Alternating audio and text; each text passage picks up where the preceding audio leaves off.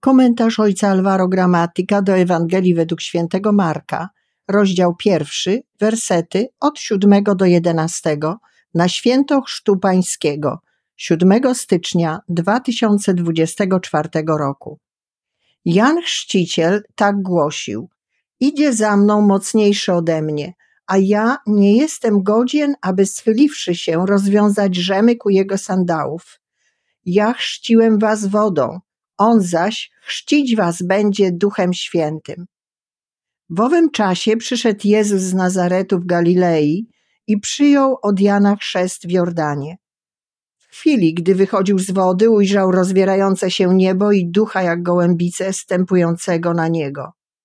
A z nieba odezwał się głos: Ty jesteś moim synem umiłowanym, w Tobie mam upodobanie. Fragment Ewangelii przywodzi nam na myśl przekonanie Jana Chrzciciela, że Mesjasz jest nośnikiem czegoś nowego. Nowość wiąże się z chrztem.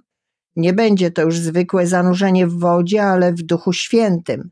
Jest to nowość, która wskazuje nie tylko na postać Mesjasza, ale na zamysł samego Boga, aby dać coś, co przychodzi z wysoka i co objawia naszą godność, że jesteśmy umiłowanymi dziećmi. Podobanie się Bogu nie będzie już owocem ludzkiego wysiłku, ale darem, którego Bóg udziela wszystkim, którzy go przyjmują. Być zanurzonym w duchu oznacza wejście w logikę czucia się kochanym, niezależnie od tego, co robimy i kim jesteśmy. Istotnie, dar Boży przewyższa wszystko, łącznie z samym grzechem. W przeciwnym razie byłby uwarunkowany i nieskuteczny. Jest to nowość ewangeliczna, która burzy wszelkie religijne schematy myślowe, według których nasz wysiłek jest wart więcej niż dar, a Bóg wydaje się być dobry dla dobrych, a zły dla złych.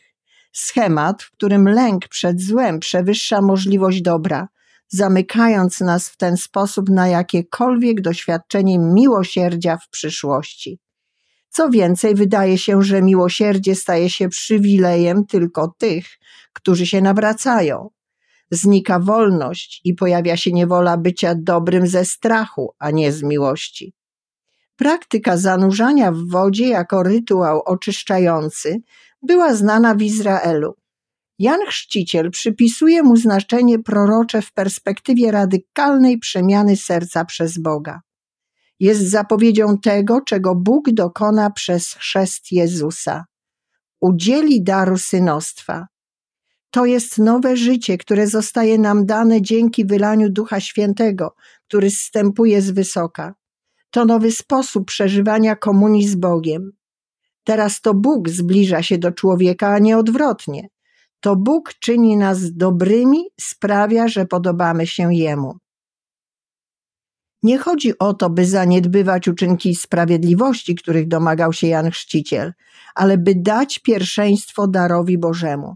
Przyjęcie chrztu oznacza wejście w logikę darmowości i wdzięczności. Jesteśmy dziećmi, bo jesteśmy kochani.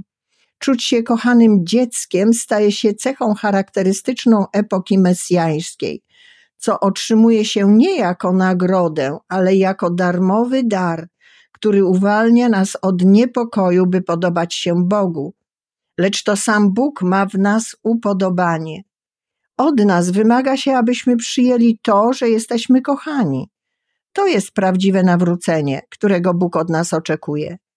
Zawsze istnieje pokusa, by chcieć stawić opór tej wizji zbawienia, trzymając się naszych schematów zasług, zewnętrznych praktyk i ofiarniczych wierzeń, które nie powodują nic innego, jak tylko dławią naszą wiarę, wolność życia jak dzieci i gaszą autentyczną modlitwę i zdrową beztroskę. Bardziej przejmujemy się tym, co możemy zrobić, a czego musimy unikać, przekonani, że wszystkie nasze wysiłki mogą zmienić nasze serca. Zamiast otwierać się na deszcz darów spływających z nieba dla nas, dar Ducha Świętego jest o wiele większy i to On przemienia nas od wewnątrz. Wody Jordanu są symbolem tej nowej sytuacji, w której się znaleźliśmy. W najniższym punkcie ziemi, poniżej poziomu morza, w pobliżu rzeki Jordan, gdzie wpada ona do Morza Martwego, Bóg wychodzi nam na spotkanie, by dać nam nowe życie, kierując do nas nowe i skuteczne słowo. Ty jesteś moim synem umiłowanym, w Tobie mam upodobanie. Każdego ranka posłuchajmy tych słów, które zanurzają nas w wodach, gdzie króluje bezinteresowna miłość Boga.